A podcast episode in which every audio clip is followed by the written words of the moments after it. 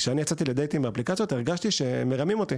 יצאתי לדייטים, אני רואה שיש פערים מאוד מאוד גדולים בין מה שנאמר שם, ומה שמוצג, לבין המציאות. יצאתי יום אחד עם בחורה, שהציגה שם תמונות שלה בתור מאמנת כושר, שהיא נראית מאוד מאוד אטרקטיבית, ותיארה את עצמה בצורה נפלאה, במציאות, התמונה הזאת הייתה צולמה לפני עשר שנים, הרגשתי שרימו אותי. וואו, כן, זה קורה לי המון. זה קורה לי עם לקוחות שמגיעים אליי, תחושה נוראית. כן, שמספרים לי שמישהי פוגשת מישהו, היא רואה את התמונה שלו, ואז היא מגיעה, וזה מישהו ממש מבוגר, מישהו שונה. זה לא אותו בן אדם. זה לא אותו בן אדם, אז היא שואלת אותו, תגיד לי, זה לא התמונה שלך, נכון? למה שמת תמונה אחרת? אומר לה, תגידי, אם הייתי שם תמונה שלי, את היית מגיעה לדייט? זו ההזדמנות היחידה שלי. זה מזעזע. מזעזע, אבל זה האמת. ברוכים וברוכות הבאים לפרק ה-92 של הפודקאסט המאושר. הפודקאסט שיעזור לכם להגשים חלומות ולהתעלות לרמה הגבוהה ביותר שלכם. לי קוראים עדי, עדי יעקב, והפרק הקרוב הולך לעסוק בזוגיות ובהתפתחות אישית. וכדי לעשות את זה, יש לי את הזכות לארח את אריאלה ישי, שטחנית ומומחית להתנהגות אנושית. יום אהבה שמח. בחרנו ללבוש צבעים אדומים ככה כדי להפגין את כל האהבה שלנו לצופים ולצופות שלנו. מה שלומך אריאלה? נפלא, הכי טוב שיש. חג אהבה. שמח. חג אהבה שמח. אני אשמח אם תוכלי ככה להציג את עצמך. כדי שהצופים יוכלו ככה להכיר אותך מהזווית שלך. שמי הראלה ישי, אני בעצמי נשואה פלוס שישה ילדים, סבתא לנכדים. אמ, יש לי משרדים בתל אביב, אשדוד ובאר שבע. יש לי צוות מדהים, שלכל אחד מהם יש תפקיד, כדי שכל אדם שמגיע אליי יוכל להגיע ליעד. אם זה כי הוא מחפש זוגיות, אם כי הוא מחפש שלום בית, אם כי הוא מחפש הדרכה בחיים, שהחיים שלו ייראו, שיעזור לו להתפתח. שיעזור לו להתפתח, בהחלט. אנחנו הולכים לדבר על זוגיות, על בחירת הבן זוג או בת הזוג הנכונה עבורנו, נכון, על uh, התפתחות, גם. ועל איך הופכים ומדייקים את הבחירה שלנו בבני ובנות הזוג בעידן החדש והמאתגר של הדיגיטל והאינסטגרם והאפליקציות. הרי זה מאתגר. צודק לגמרי. יש לך ניסיון רב שנים, של מעל ל-32 שנים. נכון, והסיפור שלך הוא סיפור שהוא מאתגר בפני עצמו. נכון. אם ככה נשאל אותך, כמה זוגות ליווית עד היום? אפשר ככה לכמת את המספר לאיזשהו מספר, פחות או יותר? אני מזמן הפסקתי לספור, אבל אני יכולה להגיד לך שחיתנתי מאות על מאות על מאות זוגות במשך 32 שנים, ולמיטב ידיעתי, יש לי רק אה, ארבע זוגות מתגרשים.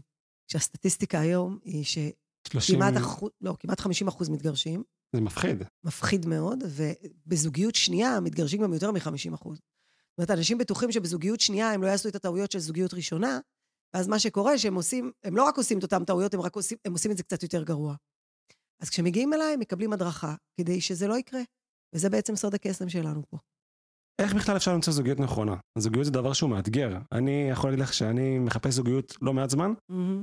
וזה תהליך שהוא מאוד מאוד דורש הרבה מאוד התנסות, הכרה של, אה, נקרא לזה לצאת להרבה מאוד פגישות, דייטים, לא לדייק תמיד. את הבחירות. לא תמיד, לפעמים אנשים יוצאים אוקיי. פגישה אחת או שתיים וזה נגמר. זאת אומרת, עם אחד או עם שתיים. זאת אומרת, הם לא צריכים הרבה הצעות כדי שזה יצליח. מה, כזה מהר?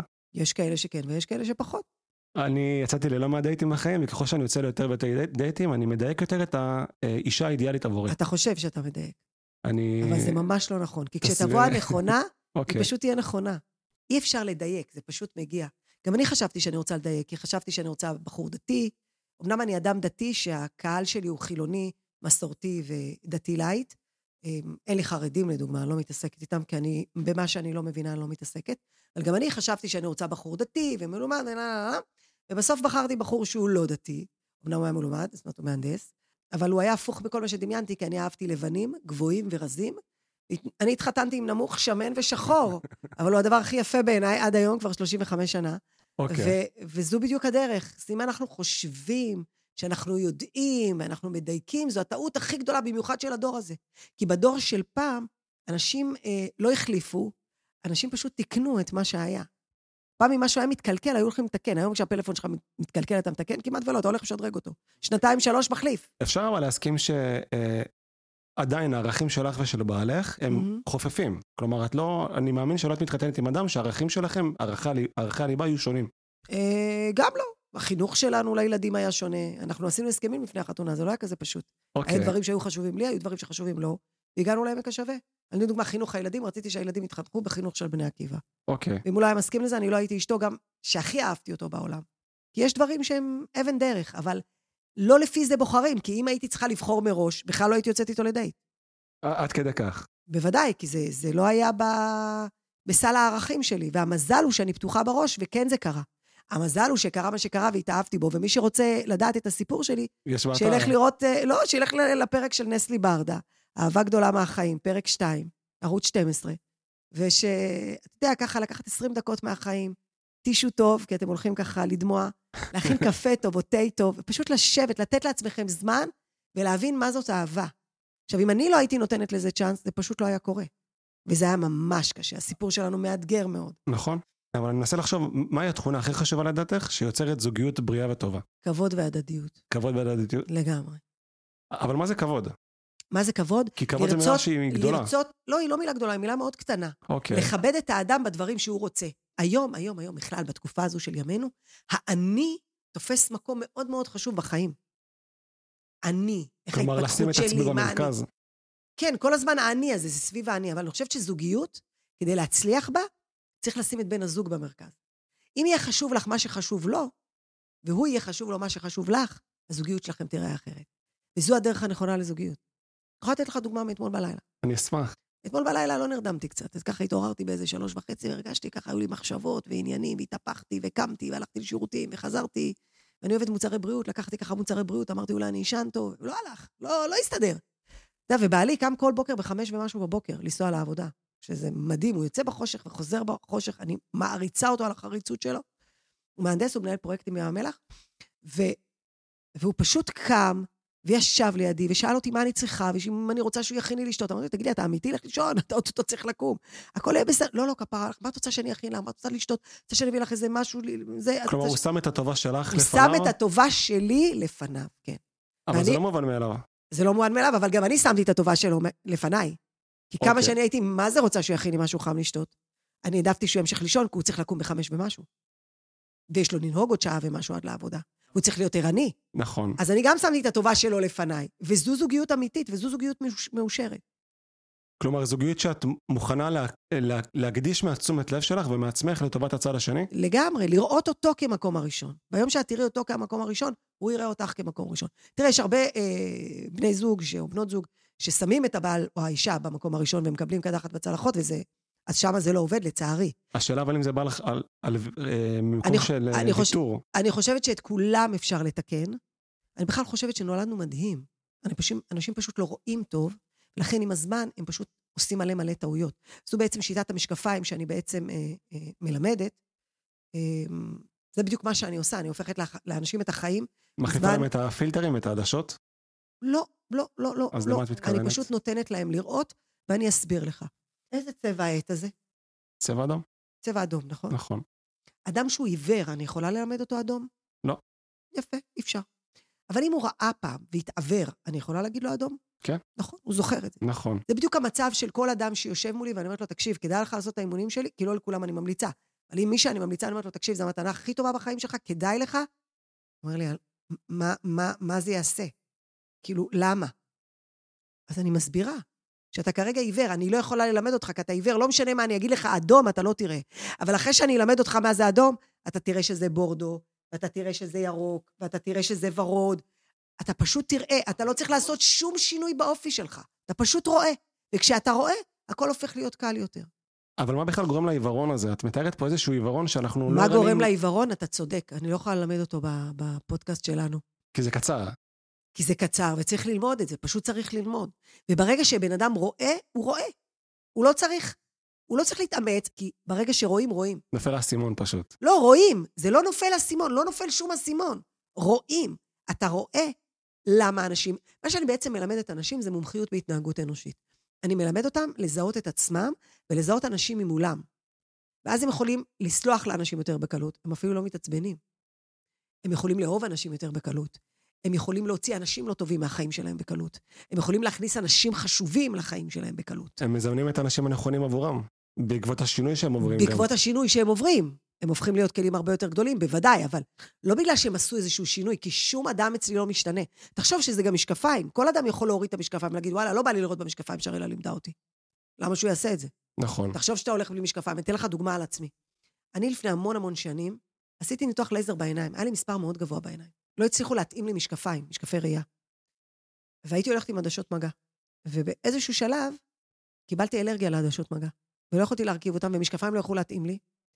הייתי חייבת לעשות ניתוח, כי אם אני הייתי צריכה לבחור, לא הייתי עושה, אני פחדנית. אני, מה שקשור לבריאות, אני, אני יותר. חוששת. למרות שהיום אני ממליצה לכולם לעשות, באמת. זה, זה שינוי חיים, ואני גם אספר לך למה. ואז הייתי קמה בלילה, אין לי משקפיים, עדשות אני לא יכולה לשים, והייתי פשוט מחפשת את המוצצים ככה. אתה יודע, הייתי יורדת מתחת למיטות של הקטנים, היו לי שלושה תחושה של קטנים. חוסר שליטה. מה זה חוסר של... לא הייתי מוצאת את המוצצים בלילה, הייתי צריכה להעיר את בעלי, שהוא כמובן קם מוקדם בבוקר, כדי שימצא לי את המוצצים שהילדים יפילו באמצע הלילה. ואז החלטתי שאני עושה ניתוח. היה לי מאוד מאוד קשה, לכן אז גם, היום עושים את שני העיניים, אז היו עושים אחת. אז עשיתי את הראשונה והיה כל כך קשה, וההחלמה הייתה כל כך קשה, שהמתנתי שנתיים לעשות את השנייה. תקשיב, ועשיתי את הניתוח החדש והוא לא הצליח, וחזרתי לעשות את הניתוח הישן. אבל אני אספר לך על הניתוח הראשון. ואז, אחרי ההחלמה, הייתי צריכה ללכת למקווה. אתה יודע, אנחנו אנשים דתיים, פעם בשבועיים, הולכים למקווה. עכשיו, כולם מכירים אותי עם עדשות, אף אחד לא מכיר אותי עם משקפיים, גם לא יודע שיש לי משקפיים.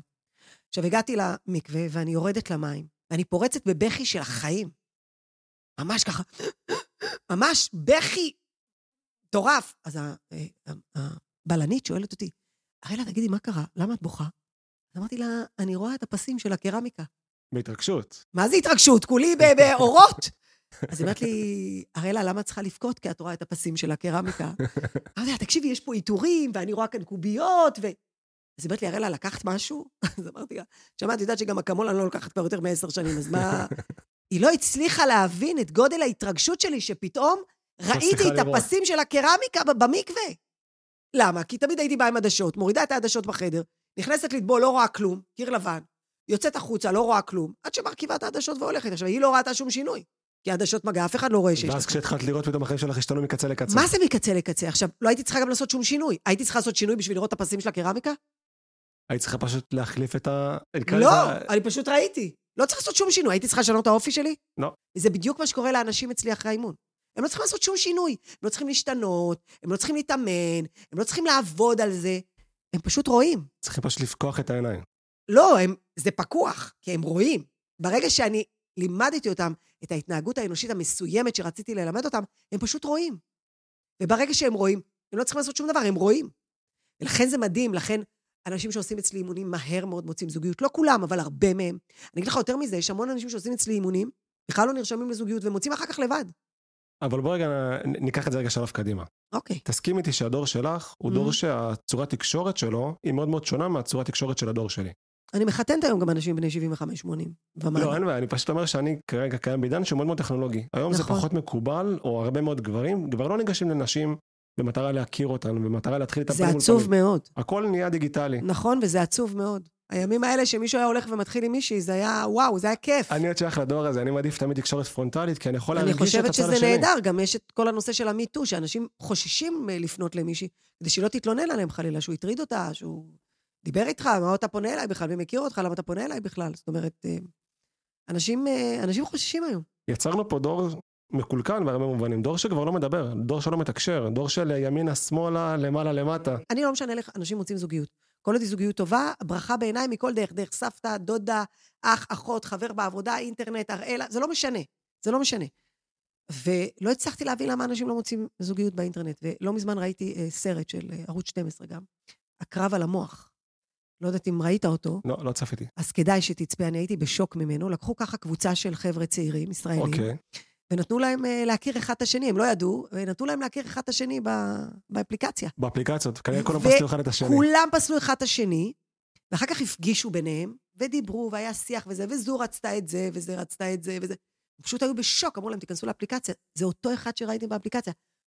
עשיתם לו איקס. אפליקציה זה מפחיד, אני אשתף אותך מהזווית שלי, אני מחקתי את כל האפליקציות לפני די הרבה זמן. כשאני יצאתי לדייטים באפליקציות, הרגשתי שמרמים אותי. יצאתי לדייטים, אני רואה שיש פערים מאוד מאוד גדולים בין מה שנאמר שם, Mhm. ומה שמוצג, לבין המציאות. יצאתי יום אחד עם בחורה, שהציגה שם תמונות שלה בתור מאמנת כושר, שהיא נראית מאוד מאוד אטרקטיבית, ותיארה את עצמה בצורה נפלאה, במציאות, התמונה הזאת הייתה צולמה לפני עשר שנים, הרגשתי שרימו אותי. וואו, כן, זה קורה לי המון. זה קורה לי עם לקוחות שמגיעים אליי, תחושה נוראית. כן, שמספרים לי שמישהי פוגשת מישהו, היא רואה את התמונה שלו, ואז היא מגיעה, וזה מישהו ממש מבוגר, מישהו שונה. זה לא אותו בן אדם.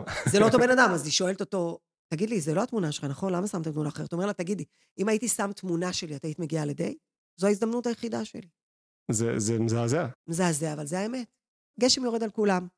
נכון. אפשר ללכת לאפליקציות, אפשר לבוא להראה לאישה למשרד שידוכים, אפשר ללכת למשרדים אחרים, אפשר לדבר עם חברים? אפשר לדבר עם חברים, אפשר לדבר עם משפחה, כל דרך מבורכת. אני חושבת שהפרנסה של כולנו כתובה, מראש השנה עד ראש השנה, ומה ששלנו יהיה שלנו, ומה שלא שלנו לא שלנו.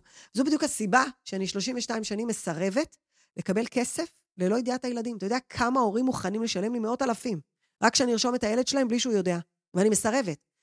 כי אמנם הכסף הוא אותו כסף, אבל עד שהילד לא יושב מולי, ואני עושה לו כירולוגיה פסיכודיאגנוסטית, אני בעצם קוראת את האופי שלו בכף היד, אני לא רואה קדימה שום דבר, אני רואה רק אחורה, ואני רואה את האופי, ואני רואה את כל הדברים שהוא עבר לאורך החיים. לדוגמה, חוויות, חוויות, משברים. משברים, קשרים עם ההורים, קשרים בין אחים, קשרים עם חברים, חילול אנשים שעברו הטרדות למיניהם, או כל מיני דברים שאנשים חוו לאורך השנים. אה, ולפי זה אני יודעת בכלל אם אני רוצה לקבל אותו למשרד שלי. ורק אחרי שאני רוצה לקבל אותו למשרד שלי, והוא מחליט שהוא רוצה, רק אז אני יכולה לרשום אותו. לא אכפת לי שההורים שלו ישלמו, אבל קודם כל אני צריכה שהוא להבין שהוא בכלל יסכים. בשל לתהליך או שהוא בשל בשל התהליך. ושהוא יסכים ושאני אסכים. כי יש כאלה שמאוד רוצים, אני גם לא רושמת, אומרים לי, הראל, אני מוכן לשלם. אני... אני לא רוצה, אין לי מה לעזור לך. אין לי יכולת לעזור לך. יש אנשים באים עם בקשות של לה לנד, אני מעדיפה לוותר עליהם. מה זאת אומרת בקשות? כלומר, ציפיות יותר מדי... מישהי שמגיעה לא בגיל מציאות. 53 ואומרת לי, הראל, אני רוצה שתכיר לי גבר רק עד 50. נו, בואי. זה לא אמיתי. יכול להיות שאני אכיר לה בסוף גבר בן 50, אבל בדרך כלל כשמגיעה מישהי בת 53, אז בדרך כלל אני מציעה עד 10 שנים מעל זה באובייסט כולם. אני יכולה גם להציע 15 ו-20 שנה מעל, תלוי איך הוא נראה, תלוי במה הוא עוסק, תלוי כמה הוא מרוויח, תלוי איזה רכוש יש לו. זה, מה- האופי שלו, מה הלוק, מה, כמה הוא מוכן להשקיע. זאת אומרת, זה מאוד... יש לי אנשים שגדולים ממישהו ב-20 שנה והבן אדם לא יעמוד בכלל בקצב שלהם. אני חושב גם ש- שזאת אחת הבעיות המשמעותיות בהיכרויות. רוב האנשים לא משחקים במשחק הנכון. נכון, אני מסכימה איתך. הם מנסים לכוון לליגה שהיא הרבה יותר גבוהה, או לא מתאימה, או לא מדויקת לא. לא, לא קשור בכלל לגבוהה, הם חיים בלה-לה-לנד. הם בכלל לא מדייקים למה שהם צריכים. ולכן אתה אמרת לי, אני מדייק את עצמי, אמרתי לך שזה בולשיט, אין לדייק. פשוט כשתבוא הנכונה, אתה תדע שהיא נכונה. אבל כשאני אומר לדייק, אני לא מתכוון לדייק במובן המדויק של המילה, אלא אלא? אני מדייק את הערכים. כלומר, לי חשוב אה, באשתי לעתיד, מהמם, שהיא תהיה אה, בעלת תכונות אימהיות, שהיא תוכל להיות אימא טובה לילדים שלי, מהמם, שכשאני אסתכל על איך היא מתייחסת להורים שלה, היא תתייח- תתייחס אליהם בכבוד, שההורים שלה יתייחסו אחד לשני בכבוד, מהמם. אני מחפש תכונות מאוד מאוד, נקרא לזה אז אם ההורים משפחתיות. שלה גרושים, אתה לא תלך איתה? ואם זה אהבת חייך? אני לא אפסול, אוקיי, אני לא יופי. אפסול. יחד עם זאת, אני כן ארצה לראות את התקשורת, את הסוג תקשורת שיש שם. never say never. אבל אני אגיד לך יותר מזה, אני תמיד אומרת שילדים, אף פעם אל תפחד איך הם יתנהגו. תפחד שהם מסתכלים עליך. אני חושבת שהדוגמה בסוף הכי טובה, נכון שסבא וסבתא זה חשוב, אבל אני חושבת שההורים זה הרבה יותר חשוב. זאת אומרת, אתה ואשתך. אני חושבת שזו בעצם בסוף, בסוף, זו הדוגמה הכי חשובה. ולא הייתי פוסלת מישהי שההורים שלה פחות. אז מה? ואם היא בוא- אהבת חייך? בואי אני אשתף אותך איזה, איזה דברים קטנים בחורות למשל אה, הפגינו כלפיי בדייטים שפשוט גרמו לי להתפעלות. למשל, אה, אם עכשיו אני יוצא לדייט. ובמהלך, אה, בסוף הדייט, למשל, ה- כל אחד חוזר לדרכו, והבחורה למשל שולחת לי הודעה, היי, הגעת לבית בשלום, הכל בסדר? או לפעמים טיפה תשומת לב שהיא טיפה שונה, זה יכול אוטומטית לגרום לי בתור גבר להבין שיש פה אישה שהיא דואגת. נכון. קודם כל היא מעוניינת. אם היא שאלה אותך, קודם כל היא מעוניינת. אחרת היא לא הייתה מתעניינת. זה כבר טוב. נכון. ודבר שני, היא אכפתית. אתה רוצה מישהי אכפתית. זה, זה חשוב לדעתי. בוודאי. זה, אני אתן לך דוגמה על בעלי, אני חושבת שיהיה לך יותר קל להבין את זה. בעלי, אוקיי. אמרתי לך, עובד רחוק ומגיע, היו המון שנים שהיה לי קשה לנהוג, כי נהגתי המון, והיה לי קשה, והוא פשוט ביקש ממני שאני אסע ברכבת למשרד שלי בתל אביב, לדוגמה, או לאשדוד. הוא היה מסיים יום עבודה, בחמש-שש בערב מגיע פה לבאר שבע, ונוסע לתל אביב או לאשדוד כדי להחזיר אותי, כדי שאני לא אנהג. או לחילופין, אני הייתי נוסעת עם הרכב שלי, מגיעה לתל אביב, הוא היה מגיע לבאר שבע, עולה על רכבת, מגיע או לתל אביב או לאשדוד בשביל להחזיר אותי, גם להחזיר אותי חזרה הביתה. כמה גברים כאלה אתה מכיר? אה, לא מכיר. אחרי יום עבודה מטורף, לא תקשיב, כשהוא. נוסע לכל צד יותר משעה, הוא היה מוכן לעלות על אוטובוס או רכבת, להגיע לתל אביב, רק בשביל לנהוג לי, כי אני עייפה ואני מסיימת מאוחר, כדי שאני לא אצטרך לנהוג בעצמי. כי כשאני נוסעת אני פחות עייפה. אבל כשאני חוזרת אני מאוד עייפה, כי אני פוגשת מלא לקוחות. זה בזמן מאוד קצר ומאוד מרוכז. אז הוא אומר לי, שבי, תנוחי באוטו, מביא לי אוכל, מפנק אותי, שאני אוכל לאכול בדרך חזרה, עוצר איתי בצד הדרך, נכנסים לאנשהו לאכול. לפעמים היינו נשארים, אם זה ימי חמישי, היינו נשארים ימי חמישי במלון, ככה פשוט, בתל אביב. הולכים לבלות, יד ביד, מטיילים, יוצאים להצגה, יוצאים לסרט, אפילו סתם לטייל, משהו פשוט, לא בתי מלון. יקרים, ו- רק לחזק את הזוגיות. שנים היינו באיזשהו מלון ברמת גן, ככה על, על הכביש הראשי שם, אתה יודע, יש שם שדרה מהממת עם עצים של מעל מאה שנה, ו- ומנורות. כאילו אם היינו בחו"ל, היינו מצלמים את זה והיינו מתרגשים. זה בארץ שלנו, עוד עכשיו, במלחמה הזו. נכון. אין על הארץ שלנו, ויש כל כך הרבה מקומות יפים. אז פשוט להשקיע בזוגיות. פשוט להשקיע בזוגיות. אתה יודע, היינו עושים דברים קטנים, אפילו לפעמים לא נשארים במלון.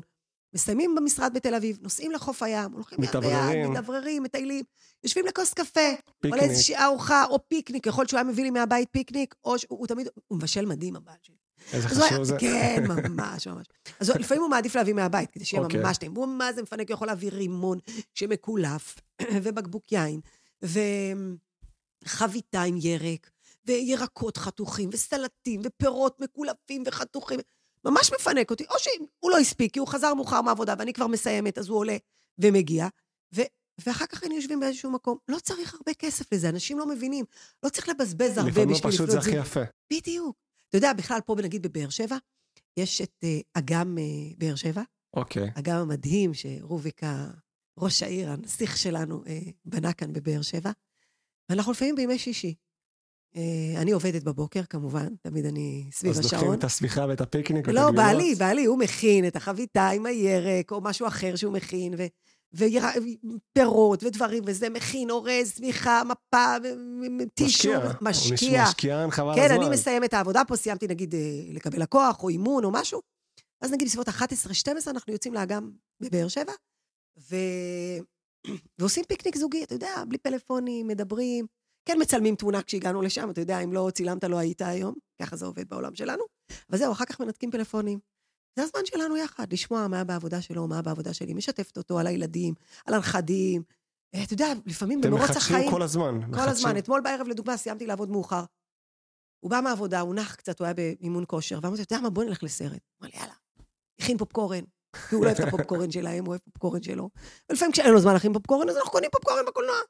אתה מבין, כאילו, אנחנו זורמים על החיים, ואם אנחנו לא נשים את הזוגיות שלנו ביומן, דברים לא יקרו. אנשים פשוט בהלם מזה שאני יוצאת עם בעלי לסרט, שאני יוצאת עם בעלי לפיקניק. הם לא מבינים, זה, זה זה הכי הטעם של פשוט החיים. הכי יפה. כן, זה הטעם של החיים, הזמן הזוגי הזה. ואת זה אני רוצה שאנשים יעשו, כי אנשים חושבים שלצאת ביחד צריך להשקיע כסף, ולצאת למלון חמישה כוכבים, ומסעדה יוקרתית, ואז לכן הם עושים את זה פעם ב...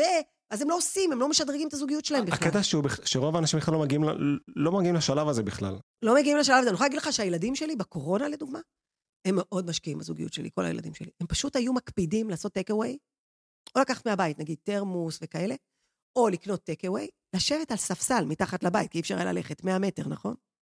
אז take away. שמביאים להם, לצאת החוצה מהבית, להביא בייביסיטר לילדים, לרדת למטה, לשבת על ספסל מתחת לבית, ולעשות דייט זוגי. הם לא היו מוותרים על זה. כי זה משבר אפ- את השגרה. לפעמים אפילו כמעט כל ערב. כי הם פשוט השתגעו בבית, בתוך הבית. נכון. תקופה מטורפת. ואנשים, שלא נדע, מלא מלא אנשים התגרשו, ואצל הילדים שלי זה רק הפך אותם לזוגיות אה, יותר טובה. זה מה שהם עשו. תסכים איתי שזוגיות זה לא דבר מושלם. זוגיות זה... לא, יש מלא עליות. וירידות, אתה חושב שעם בעלי. הכל טוב? אה, בוודאי, יש ויכוחים ויש מריבות. אני אגיד לך יותר מזה. אוקיי. אני תמיד אומרת שזוג שלא רב, הוא בעצם לא... זה- לא זוגיות אמיתית. כי כי תמיד מה, יש כי הכל כעסים. נראה ורוד? לא, כי אף אחד לא מעניין אחד את השני. מתי אתה מתווכח עם מישהו? שאכפת לך ממנו. היום היה לי קטע עם לקוחה. אתה זוכר שהעובדת אמרה לך שהיא שמעה היום שיחה שלי והייתה בהלם? נכון. אתה לא יודע מה עשיתי ללקוחה הזו, זו לקוחה מאומנת שלי, שאני מה זה אוהבת. מעט מאוד אנשים גם יכולים להרגיז אותי, אני כל כך אוהבת אותה. הבאתי לה בחור כזה, וואו! אמרתי לה, אין מצב שאת לא יוצאת לדייט שני. אבל אחותה אמרה לה שאם לא נמשכת, אמרתי לה, אחותך, זה לא אני. אנחנו למדנו דברים X, Y ו-Z, אני חוזרת, אתה זוכר שאמרתי זה בצבע אדום? נכון. אני אומרת לה, אדום? היא אומרת לי, וואי, הראלה, אני הולכת לדייט. כזה? ושם זה נגמר, ככה זה היה, ופשוט העובדת הייתה בהלם. מה אמרת לה שהיא הלכה לדייט, הולכת לדייט נוסף? אמרתי לה, זה בדיוק החומר שאני מלמדת. ת- לא לתת- צריך. לתת הזדמנות בעצם. כן, אבל ברגע שהיא הבינה למה היא הגיבה כמו שהיא הגיבה, וזה בעצם העניין, זה האדום שהיא ראתה, אז היא הייתה מוכנה לצאת לדייט נוסף. וזה היופי, אני לא מוותרת ללקוחות שלי. אחד האתגרים הבולטים הוא ש... קחי למשל את השולחן הזה, אם נפזר פה עכשיו מלא מלא סוגי מאכלים טעימים, שאת אוהבת את כולם, אז את... אנחנו, יש לנו בתור אנשים, חלק מהאנשים, לטעום את זה ולטעום את זה ולטעום את זה ולרצות את זה ולרצות את זה, ופתאום אנחנו רוצים ורוצים ורוצים, וזה גורם לנו לבלבול. אולי זה גם משפיע על ה... אני, אני לא משווה את זה לזוגיות. לא? אה, לא, לא. כי לא- אני חושב לא. שזו המציאות שאני כרגע מרגיש פה. אה, כי אתה אה, מכיר באינטרנט. אני לא מכיר באינטרנט. אנשים- דוגמה, לא, אוקיי. חברים. זאת אומרת, אתם, יחסית היום אנשים יוצאים להמון דייטים. אתה רואה תמונה לפני דייט? רואה פנים לפני דייט, אני נפגש פרונטלית עם הבחורה המתאימה לי ואני אדבר איתה. אני אתה אתקשר. רואה פנים לפני שאתה נפגש איתה? זה אומר שעכשיו אני יכול ללכת ברחוב, לצאת, לטייל. לא, עזוב, מישהו הציע לך, חבר הציע לך מישהי. אם חבר הציע לי דייט, אתה אני חד משמעית אומר? כן. חד משמעית אני אומר כן, דבר ראשון. אבל אתה רואה תמונה? כן. באותו רגע נכשלת. למה? כי זה האוכל שראית בשולחן. יחד עם זאת, כשחבר ממליץ לי לצאת עם בחורה, אני יודע שהוא מכיר לא אותה. משנה, וזה אבל עכשיו זה בכלל. לא משנה. אוקיי. עכשיו אתה שבוי. אתה ראית תמונה? עכשיו זהו, אתה שם. אתה לא באופי שלה, אתה לא ברגשות שלה, אתה לא בכלום, אתה רק במראה שלה. זו הסיבה שאני לא רוצה שאנשים יראו אחד את השני, לפני. למה? כי כשהם מגיעים לפגישה, אז הם מגיעים עם אה, משקל? לא, עם הם, פשוט, הם פשוט הגיעו. עכשיו, אין להם ברירה, הם צריכים, אתה יודע, לשתות משהו חם, 20 דקות, חצי שעה, 40 דקות, שעה, מינימוס, לא נעים לקום וללכת. וזה ההצלחה, זה הסוד. פתאום לא מבינים מה הפריע להם במראה. פתאום מדברים, ווואו, איזה כיף. גם כשאת אוהבת בן אדם, את אה, יכולה להתאהב ביופי שלו. לא, אני, ב- קודם כל נכון, אבל אני יכולה להגיד לך שעין מתרגלת. המון פעמים שמישהו אומר לי, וואו, תקשיבי, הייתה פגישה, וואו, אבל אני לא אהבתי את המראה. אמרתי לו, לך לדייט שני, לך לדייט שלישי. עין מתרגלת. לאופי, לא מתרגלים. כי אם האופי לא, לא טוב, מתאים, אז לא אז מתאים. לא מתרגלים. אוקיי. אבל מראה, העין מתרגלת. ואני אתן לך דוגמה מעכשיו, מה, מכל מה שקורה במלחמה האחרונה. יש אנשים פצועים שמתעוותים בפנים, מתעוותים בידיים. ראיתי אתמול זוג בטלוויזיה. איך היא אוהבת את בעלה, הוא כולו מעוות. חסר לו אצבעות פה וחסר לו שם, ו... והלסת שלו זזה, והעיניים שלו זזו, וה... קשוח. אומנם סידרו אותו יפה, הוא נראה בסדר, אבל ראיתי תמונות שלו מהעבר, זה לא אותו אדם. אז מה, אז היא לא אוהבת אותו? היא אוהבת אותו פי מיליון. אבל הם בנו פה כבר מערכת יחסים, זה שונה. אבל מה שאני מנסה להגיד לך, שהעין מתרגלת. אז כשהיא באה פעם ראשונה לראות אותו, היא הייתה בשוק, היא גם דיברה על זה. היא אמרה, וואו, הייתי... כאילו... אבל היום אני אפילו לא מבינה מה הפריע לי כשראיתי אותו, אחרי הפציעה. היא פשוט לא רואה את זה יותר. לא רואים את זה יותר. אז אם אני מבין אותך נכון, אחד הסודות הטובים ביותר לטובת מציאת זוגיות היא קודם כל לתת הזדמנות, ואחד לצאת הכלים- בלי, בלי תמונה. לצאת בלי לראות תמונה, פשוט אני לצאת יכולה להגיד לך ולהכיר. שהבת שלי הצעירה יוצאת לדייטים, אוקיי, ואם גבר מבקש את התמונה שלה, היא פוסלת אותו. שהוא יהיה מיליון דולר. באמת? היא פוסלת. אם הוא ביקש, לא שהוא ראה, הוא לא יכול לראות כי היא לא תיתן. וראית, הבת שלי נראית מצוין, נכון? נכון. בן פורת יוסף ובן פורת על העין, זה לא קשור. היא אמרה שאם מישהו ביקש, היא באותו רגע פסלה אותו. ומה הבעיה שלה לשלוח? זה קשוח אבל. היא נראית פגז, אין שום בעיה. למה שהיא לא תשלח? כי מי שמבקש מבחינתה לא באמת מחפש את הלב שלה. כי היא באמת נראית מצוין. אבל זה לא מה שהיא רוצה אה, שהגבר יחפש בה. את 90% היא לא סוגרת. היא פותחת את האנשים הנכונים לזוגיות. היא לא רק שהיא לא מקטינה את האופציות, היא מגדילה את האופציות לנכון שלה. כי כלומר- גבר שמחפש אישה אמיתית, יזכה בסוף ביפהפייה הזו. אבל הוא בא לחפש את האופי שלה. הוא בא לחפש איזה אימא היא תהיה לילדים, איזה בת זוג היא תהיה, איך היא, איך היא תקים את הבית, איזה גב היא תיתן לו כאישה. לאישה יש תפקיד מאוד חשוב בזוגיות. בוודאי, אישה זה, זה לביאה כל... לכל דבר. בוודאי. תסתכל על הילדים שלי, אני יכולה להגיד לך, כולם מוצלחים ומוכשרים, אבל לולא הנשים שלהם, אף אחד, אני אומרת לך, זה מוקלט, נכון? נכון. אף אחד לא היה מגיע לאן שהוא מגיע ללא הנשים שלו. הן מדהימות, אחת-אחת בצבע. מדהימות. הן מאפשרות להם להגיע לאן שהם רוצים להגיע. אבל מה זה אומר מאפשרות? כי מה זה אומר מאפשרות? הן נותנות להם לעשות את החלומות שלהם ודואגות שהכל יהיה מותאם ונכון. דרך אגב, הם נותנים להם בדיוק לעשות את אותם חלומות שלהם. אני זה גם חושב... בדיוק אותו הדבר. אני גם חושב שלאישה, בתור אישה, יש יכולת להסתכל על, דבר, על דברים מזווית שגבר לא יודע לראות אותה. קודם כל נכון, אבל הרבה פעמים גם גברים מסתכלים על דברים אה, מזווית אחרת. לדוגמה, יש לי כלה שלא הייתה מוכנה להביא מנקה. בעלה אוקיי. התעקש, אמר לה, תביאי מנקה. את לא מרגישה טוב, את תביאי. את לא, אבל קשה, וזה, ומשכנתה. את תביאי. הבריאות שלך יותר חשובה, אנחנו נסתדר עם ההוצאה הזו. אתה חושב שהם לא יסתדרו? הם מסתדרים מעולה. זה פשוט עניין של החלטה. להחליט. להחליט, אבל לאפשר, איך אמרנו? לדאוג לצד השני. ברגע שאתה תדאג לצד השני, היא תדאג לך, או אתה תדאג לה, זה לא משנה, זה אותו אבל זה דבר. לא נוח. כלומר, זה לא תמיד נוח לשים... זה הכי נוח. אוקיי. זה הכי נוח, זה הכי כיף. מה, לשים אותנו איזה כיף? שבעלי קם לי אתמול בלילה ואמר לי, כפר עלייך, אני אכין לך משהו לשתות חם, את רוצה, את רוצה משהו? זה... לא כפר עליך, לך לישון, אתה צריך לקום אחרי חמש. אוטוטו אתה צריך לקום. אבל בלב שלי פה, כאילו הוא הכין לי את הקפה. כי הוא חשב עלייך. כי הוא רצה לקום ולעשות... הוא קם, הוא באמת קם. אני החזרתי אותו לישון. הוא באמת קם. נכון. מה, אני צריכה שהוא יביא לי את הקפה? לא! אני צריכה שכשהוא יהיה, שהוא יישן מספיק טוב, שכשהוא ייסע לעבודה שלו, חלילה שלא יעשה לי תאונת דרכים בדרך. אבל זה שהוא רצה לעשות לי את זה, זה הכיף שלו. מסכימה איתי גם שאם עכשיו בעלך מכין לך לאכול משהו, או Mhm. שאת אה, תצאי איתו למסעדת גורמה, Mhm. הארוחה שבעלך הכין לך תהיה הרבה יותר טעימה. גם אם שף אה, יכין את המסעדה, את הארוחה במסעדה. בוודאי, יש את האהבה שלו בתוך הבישול. חוץ מזה הוא- שבא לי גם לבשל יותר טוב מכל מסעדת גורמיה, זה לא חוכמה. בוא נגיד שבמקרה שלי זה לא חוכמה, הוא מבשל מדהים, הבעל שלי, באמת. יש לו אוקיי. טאץ' לבישולים, וואו, פשוט וואו. אז חשוב לצאת לגבר שמבשל. לא, חשוב לצאת עם גבר מתאים. אם הוא לא היה מבשל, אני הייתי מביאה מישהו אחר שיעשה את זה. הייתי קונה בחוץ מוכן. אין לי או- זמן לזה. אוקיי. זה לא, אתה מבין? זה, זה דברים פחות חשובים. אני יכולה להגיד לך שכל מה שאני יכולה לקנות בכסף, שירותים, אני קונה, חוץ מלהיות עם בעלי ועם הילדים שלי והנכדים שלי. כי זה הכל בחיים? כי זה הכי חשוב בחיים. ואין לי זמן לבזבז את הזמן על דברים שאין לי זמן בשבילם. אז מה שאני יכולה לקנות בכסף, אני אקנה בכסף. אז יש לי יועצת שיווקית, ויש לי יועץ כלכלי, ויש לי יועץ עסקי, ויש לי... למרות שאני יועצת עסקית לאחרים, זה לא קשור, אני תמיד אוהבת מישהו אחר שיטפל בדברים שלי, אין לי סבלנות. כי את ככה גם מאצילה סמכויות ומנצלת את הזמן שלך לטובה. בדיוק, כל דקה שלי מחושבת. אנשים שואלים אותי למה המחשב שלי הפוך. כדי שתוכלי לרכז שם את כל המשימות שלך. לא, כדי לקרוא מיילים הכי מהר שיש, אני לא צריכה לעבור לאט, לאט, לאט. אני רואה את כל המיילים, אני בוחרת מה חשוב, בום, נכנסת, מטפלת, שלום, ביי, הולכת. כזה מהר. כזה מהר, אין לי זמן. חבל לי על כל דקה, כשיהיה לי זמן מיותר, אני אפנה אחר כך דברים. וקודם כל, אני מטפלת במשהו SOS. כל הזמן הזמן שלי מנוצל. זה עניין של החלטה. זה עניין של החלטה, אני עושה דברים אחרים בחיים. מה הופך לדעתך דייט לדייט שהופך להיות דייט נוסף, ודייט שירצו לצאת אליו, אה, להמשיך את הקשר? קודם כל צריך לקבל החלטה מראש. אני חושבת שאנשים. שמקבלים החלטה מראש, הם האנשים הכי חכמים בעולם. מה זה החלטה מראש? אני יכולה להגיד לך שהבת שלי יוצאת לדייט והוא לא להיט. אמרתי אוקיי. לה, טוב, אז אולי ננסה משהו אחר. אומרת לי, לא, אמא, אני מחכה לתשובה שלו. למה את מחכה לתשובה שלו? אם הוא ירצה עוד דייט, אני יוצאת. ואם הוא לא רוצה, אז לא. אבל אני אדע שאני ניסיתי. ככה זה עובד, לתת הזדמנות לצד השני. תמיד. אוקיי. עכשיו, היא גם חכמה בכלל, היא אומרת, טוב, ומקסימום לא ילך, אז אני אציע אותו לאחת החברות שלי, אני צריכה להכיר אותו קצת יותר טוב. היא ממש פותחת את אה, כן. הישיבה קדימה. שמע, מכל לימון היא עושה לימונדה. היא אומרת, לא יהיה מתאים לי, אז הוא יתאים לאחת החברות שלי בלי נדר. למישהו אחר שאני מכירה. היא תעזור, למה לא? אני מנסה עדיין להבין מה הסוד, שיש... לתת צ'אנס, אמיתי. זה הכל. זה הכל, העין מתרגלת. לאופי לא מתרגלים. אם היה לך כיף בשיחה, ואם היה מעניין, ואם היה מרתק, לא תמיד, אתה יודע, לפעמים אנשים מתרגשים, לפעמים אנשים הם לא מאה אחוז אה, בווייב הנכון בפעם הראשונה.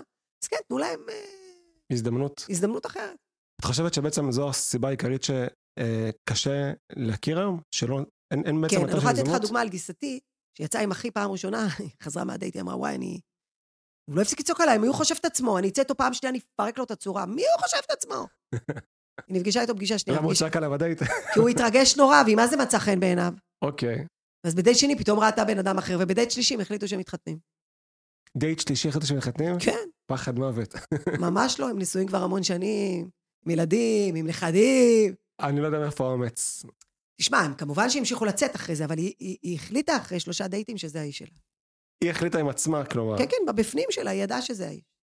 ובדייט ראשון היא רצתה להרוג אותו.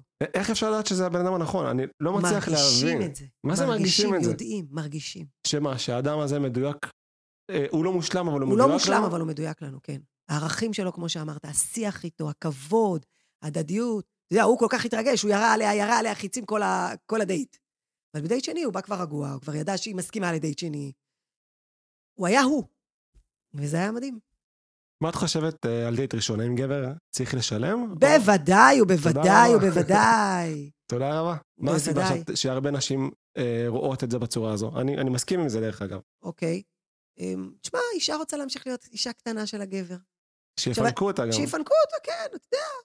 אנחנו נשים והם גברים. עכשיו, תראה, יש הרבה נשים חזקות אצלי, המון. נשים קרייריסטיות, שהן מרוויחות, שלא צריכות שקל מהבן זוג. זה לא קשור לכסף לדעתי, שנייה, האקט הזה. ו- וקשה להם שמשלמים עליהם, והן מתאפקות כדי לתת לגבר את ההזדמנות לעשות את זה. אני אחר כך מציעה בפגישה רביעית, חמישית, שלישית, אה, להציע להתחלק. זה מרגיש גם עכשיו- שותפות, זה יוצר תחושה כן, טובה. יוצר תחושה טובה. אני חושבת, אני חושבת שפחות, אבל יש הרבה גברים שמסכימים לאישה, אז היא חוזרת אליי ואומרת לי, את יודעת, הצעתי לו להתחלק, הוא הסכים לי.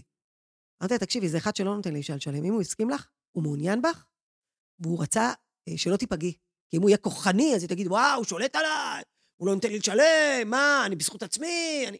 אתה מבין? מאפשר את המקום שלה בעצם. מאפשר את המקום שלה. אז פתאום כשאני אומרת לה את זה, אז היא אומרת לי, וואלה, את יודעת מה, לא חשבתי על זה. אז אמרתי לה, אז תפתחי את זה איתו, תדברי איתו על זה. תגידי לו, תקשיב, אני לא אכפת לי לשלם או לא לשלם, אני רוצה את הקשר איתך. אבל אם עושה לך יותר טוב לשלם, אין לי בעיה שאתה תשלם. ואם זה עושה לך טוב שאנחנו נתחלק, אז אנחנו נחלוק. מה שטוב לך. גם ככל שהזוגיות מתקיימת זה כבר לא, זה לא משנה באמת אם משלם. והיא פתחה את זה איתו, והוא אמר לה, תקשיבי, אני לא נעים לי כשאת משלמת, זה לא מתאים לי. אני מאוד רוצה אותך, אבל אני נתתי לך כי חשבתי שאת... אה, אומרת לו, לא, אני מהאנשים האלה שגברים אה, משלמים עליהם. אז הוא אמר לה, לא, אז נחזור למתכונת הישנה. אבל הם פתחו את זה, תקשרו את האתגר. תקשרו את האתגר, כן, לגמרי, יש חשיבות מאוד מאוד גדולה לאפשר לצד השני רגע את המקום שלו, בוודאי. לתקשר, נכון, לדבר, נכון, לשנות אווירה כל הזמן, כל הזמן, לתת הזדמנות. לגמרי. אבל עדיין, אני לא מצליח להבין איך זה כל כך קשה. אומרים שזיווגו של אדם קשה כקריעת ים סוף, רק הקדוש ברוך הוא מזווק זיווגים, אנחנו בסך הכל שליחים. אנחנו יכולים לחשוב שאנחנו חושבים שמשהו מתאים, אבל לא. אתה יודע מה המזל שלי? שאני ממש מתפרעת. אתה יודע, לפעמים העובדות שלי פה, זה לא קורה הרבה פעמים, אומרת לי, תקשיבי, הראלה, אין מצב, אם זה מצליח, אני אוכלת את הכובע. יענו, את הכובע שלי מורידה לי ואוכלת אותו. כלומר, זה קרה כמה פעמים. אוקיי. כן, אני מתפרעת, אני עושה הרבה דברים מופרעים. למה? כי יש לי ניתוח גרפולוגי. יש לי את כף היד של הבן אדם שראיתי. יש לי את האינטואיציה שלי. ולפעמים אני אומרת, יאללה, אני הולכת להשתגע. מה יהיה? ודווקא השיגעון הזה מצליח הרבה פעמים. כלומר, להשתולל? להשתולל. לא, לא ללכת, אני אתן לך דוגמה, בא לי איזה מישהו, בכיר מאוד בצבא, אה, שהיה אצלי לפני חצי שנה, התלבט, הלך לחשוב וחזר. חצי שנה. היה לו אבל- צריך את הזמן של התבשלות בעצם. ההורים שלו שלחו אותו, הוא לא רצה, בחור בן 37, הוא חושב ש... שהוא יכול למצוא כל אחת לבד, והוא ניסה עוד חצי שנה ולא הלך, והוא בא, הוא כבר 37, הוא רוצה להתחתן, הוא רוצה להביא ילדים. אז אמר לי, תשמעי, אני אוהב רזות, רזות, רזות, רזות. ויפות, יפות, יפות. אמרתי לו, תקשיב, בוא, תחזור הביתה, לא מתאים.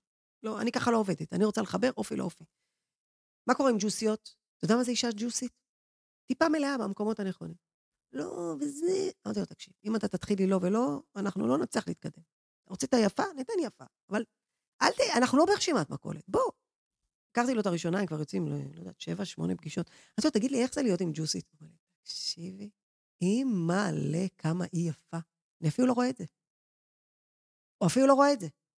אני עכשיו הולך להגיד משפט שאת אולי תחלקי עליי, אבל זו הגישה שלי. אני חושב שבתור גבר, אמ, גבר יכול להיות אטרקטיבי בחלק גדול מהחיים שלו.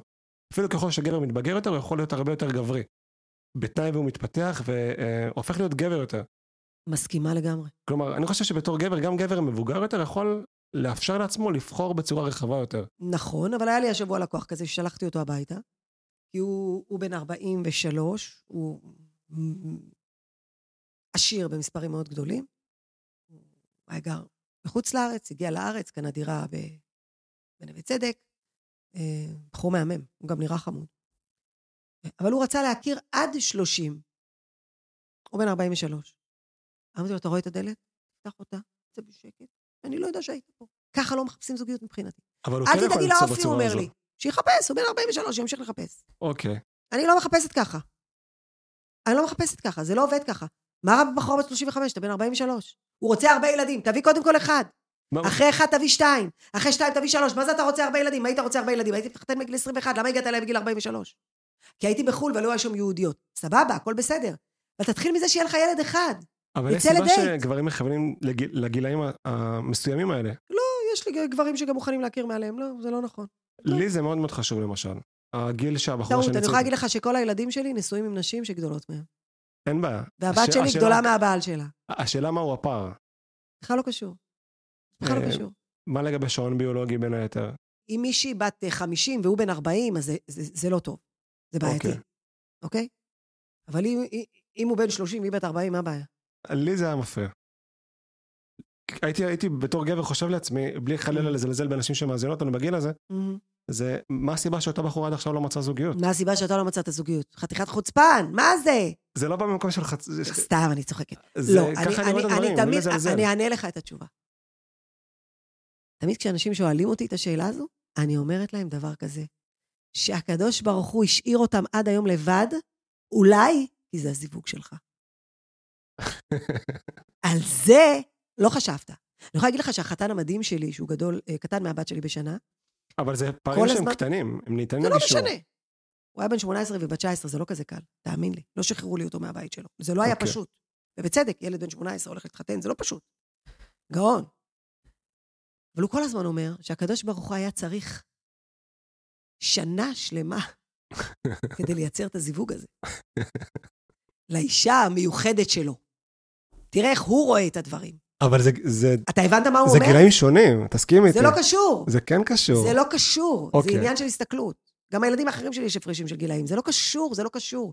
כשהבן שלי הגדול בא ואמר לי, אמא, הילדים... אמרתי לו, תעזוב, תתחיל מאחד, תעבור לשתיים, תעבור לשלוש, קודם כל תמצא אהבה. איזה אישה מדהימה יש לו. אה, לא צריך להסתכל על הדברים האלה. הקדוש ברוך הוא מחליט מה יהיה לנו פה בעולם. אנשים חושבים שהם מנהלים את העולם, הם לא.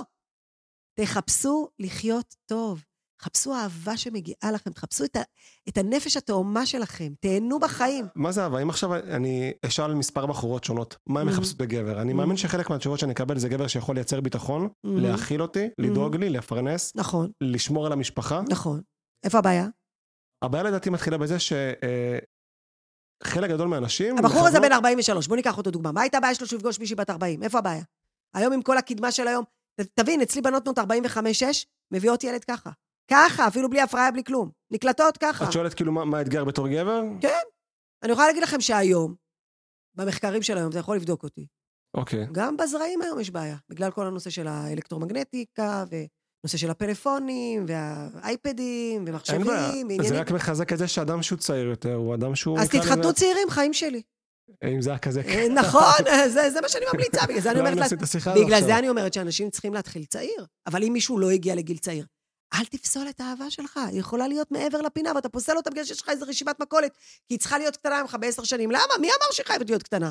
הוא שם זיווג. מ- מ- מי, מי אמר שזה מה שיהיה? עכשיו, שתבין, אני לא נגד. אני יכולתי גם להכיר לו מישהי שהיא עשר שנים קטנה ממנו, זה לא העניין. אבל ככה אני לא מחפשת זוגיות. אני מחפשת לפי אופי ומראה.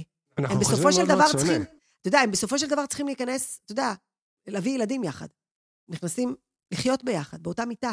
זה חיים, זה משיכה, זה הדדיות. את זה צריך לחפש. לא את הגיל, גיל זה טוב לקורות חיים. גיל זה טוב לקורות חיים בלבד. אני ממש רואה את העולם השלם ממך. סבבה, מותר לך. בגלל זה אני נשואה, ואתה רווק. אם אני הייתי חושבת כמוך, אני לא הייתי מתחתנת עם בעלי, בעלי גדול ממני בהרבה שנים. אז מה? כל האנשים בחוץ אמרו לי, מה ולמה, והוא כזה, והוא כזה, והוא... בסדר, אז אמרו. תאר לך שהייתי מקשיבה להם. הייתי מוותרת על ששת הילדים המדהימים שלי, הייתי מוותרת על הנכדים המוצלחים שלי, מה, בן פורת יוסף ובן פורת עליי. על הכלות שלי, על החתן שלי, כאילו, על מה הייתי מוותרת? אבל הייתי מקשיבה לאנשים, חכמים. לא, הם לא אז חכמים. רגע, הקשבת לעצמך? כלומר, הלכתי עם הלב שלי, כן. 100% עם הלב שלך? מאה אחוז עם הלב שלי. היה קשה מאוד. הסיפור שלי קשה, בגלל זה אני מזמינה את האנשים ללכת לצפות בו, נכון. ולבכות קצת ביחד איתי, אבל ברוך השם הסוף טוב, אבל צריך ללכת ולשמוע. זה לא פשוט למצוא אהבה. אנשים חושבים שאהבה, אתה יודע, אני כל פעם אומרת לבעלי, אני כל פעם שומעת פה כל מיני סיפורים על זוגיות, דברים מצמררי שיער, באמת. מה למשל? כל מיני, כל מיני, כל מיני, כל מיני. ואני כל הזמן אומרת לבעלי, בוא'נה, תקשיב, איזה מזל שיש לנו אותי ואותך. עכשיו, להגיד לך שהכל ורוד? לא, גם אצלי בזוגיות שלי יש עליות וירידות. איך מתגברים על הקשרים? על הקשיים שפוגשים במהלך הדרך? קודם כל, אני ובעלי, לדוגמה, עשינו החלטה, שאם אנחנו רבים, אני תמיד באה לדבר. ככה, הוא לא מסוגל לבוא לדבר כשהוא עצבני. הוא צריך את הזמן שלו הוא צריך את. הזמן שלו, וכשהוא נכנס לזמן שלו, אין לו זמן, זה לא נגמר. אז עשינו הסכם בשנה הראשונה לנישואים, ראיתי שזה בעייתי, אמרתי לו, אוקיי, בוא. אני תמיד אבוא. ומי שאשם, מבקש סליחה. וזה עובד עד היום, 34 שנים, נהדר. אחלה החלטה. אני, אין לי בעיה לבוא לדבר, אני, אין לי עצבים לריב. אין לי, גם אם רבתי והתעצבנתי, אה, דקה אחרי זה אני כבר... אה, את יודעת שבבית של ההורים שלי יש לי אח אחד הוראי. Mm. וכשהיינו רבים, היינו רבים בתור ילדים הרבה. אמא שלי הייתה נותנת לנו, יאללה חוק החמש דקות, יש לכם חמש דקות להשלים, לא תשלימו, יהיה לזה- מחיר מאוד מאוד כבד. אז השלמתם כי פחדתם? זה, זה לא פחד של פחד, זה פחד של כבוד לאמא. אמא אמרה צריך להשלים, עכשיו צריך להשלים. והיום? אני יכול להתווכח עם אחי, בוודאי. אבל אין ברוגזים. זה הדבר הכי יקר לי בעולם הזה, זה אח שלי, זה... נכון, אבל אין ברוגזים. לא, זה לא ברוגז, זה חילוקי דעות. בסדר. חלפו חמש דקות, נגמר, שוכחים, נגמר, אבל... "יאללה, נכון, מעולה. גם אצלי באחים שלי אין דברים כאלה, זה לא... אבל עלינו לא איימו, זה פשוט, אה, ראינו את זה בבית. כי אצלנו, ההורים שלי רבים המון, דרך אגב. המון. חיים עד היום, ההורים שלי מאוד מבוגרים, מאוד מאוד מבוגרים. אבל יש ביניהם אהבה גדולה, אבל המון מריבות. לי קשה עם המריבות שלהם, מאוד. זה נראה לי כזה מיותר, אבל זה דור אחר. אתה יודע, זה דור אחר. זה מה שהם למדו פעם, כמו זה מה שהם שאמרתי, אפשר בלי. לריב. כן, אבל לא, לא בכמות שלהם. אצלהם זה... זה שונה. זה לא נעים. כן, זה דור אחר, זה דור אחר. אצלנו יש פחות... אה, אני מקווה שאני אזדקן אחרת, אה, כי הם מדהימים והם הם, הם צלולים, אבל... אבל הם מתנהגים כמו בני 16, אי אפשר. זה, אי אפשר בגיל הזה להתנהג ככה, זה לא... זה לא עובד, אתה יודע. בשביל מה לריב? למה? אני לא מוצאת בזה טעם. קורה שאנחנו רבים, זה נדיר אצלי ואצל בעלי, אנחנו מתווכחים הרבה, כן, רבים לא, אה, על מה אפשר להתווכח? מלא. דברים. אה, לא מה חסר. זה, שטויות? שטויות, זה תמיד שטויות. ואחרי שנייה כבר הוא עשה שפכים על ברקס מה- ולא ביקש ממני, אני נבהלתי באוטו והוא לא ביקש ממני סליחה. אה, עשיתי סלט, לא שמתי את העגבניות שהוא ביקש. אה, שטויות, באמת, דברים שהם דברים שטותיים. שהם לא. משמעותיים. ממש לא. אני יכולה לדבר עם הילדים, הוא מתערב לי באמצע שיחה, אני שונאת שהוא מתערב לי באמצע שיחה, כל מיני כאלה, אתה יודע, דברים... לא דברים מהותיים. שום דבר שהוא לא מהותי, אבל אה, כן, כועסים, בסדר, ומשלימים. כמו שזה בא, ככה זה הולך. כזה מהר. להגיד לך שיש דברים שבאים מהר והולכים, לא, היו לי מעט מאוד, אבל היו לי כמה פעמים שכעסתי מאוד בחיים. אבל בסוף אני באתי לדבר, כי זה ההסכם. זה ההסכם. זה ההסכם. והסכמים מכבדים. אני מוציאה מילה מהפה שלי, אני מכבדת. זה, זה, זה. בכלל, אני חושבת שזה משהו, אה, בזוגיות זה דבר מאוד חשוב. הבטחת משהו? תקיים. הילדים שלי, אה, ש- כשאני אומרת להם שאני אעשה משהו עבורם, אז אני אומרת להם בלי נדר. אז הם אומרים לי, אמא, בלי נדר כן או בלי נדר לא? אני אומרת בלי נדר, אני מתכוונת לקיים, אבל אני יודעת, אני אומרת בלי נדר, לך תדע מה יהיה. זאת אומרת, אני, בדרך כלל כשהוצאתי מהפה, אני, אני, אני מקיימת, זה, זה חשוב לי. זה גם חשוב לי עם הלקוחות שלי. אם אני הבטחתי משהו, זהו, זה נגמר. אבל מה, מה לגבי אגו?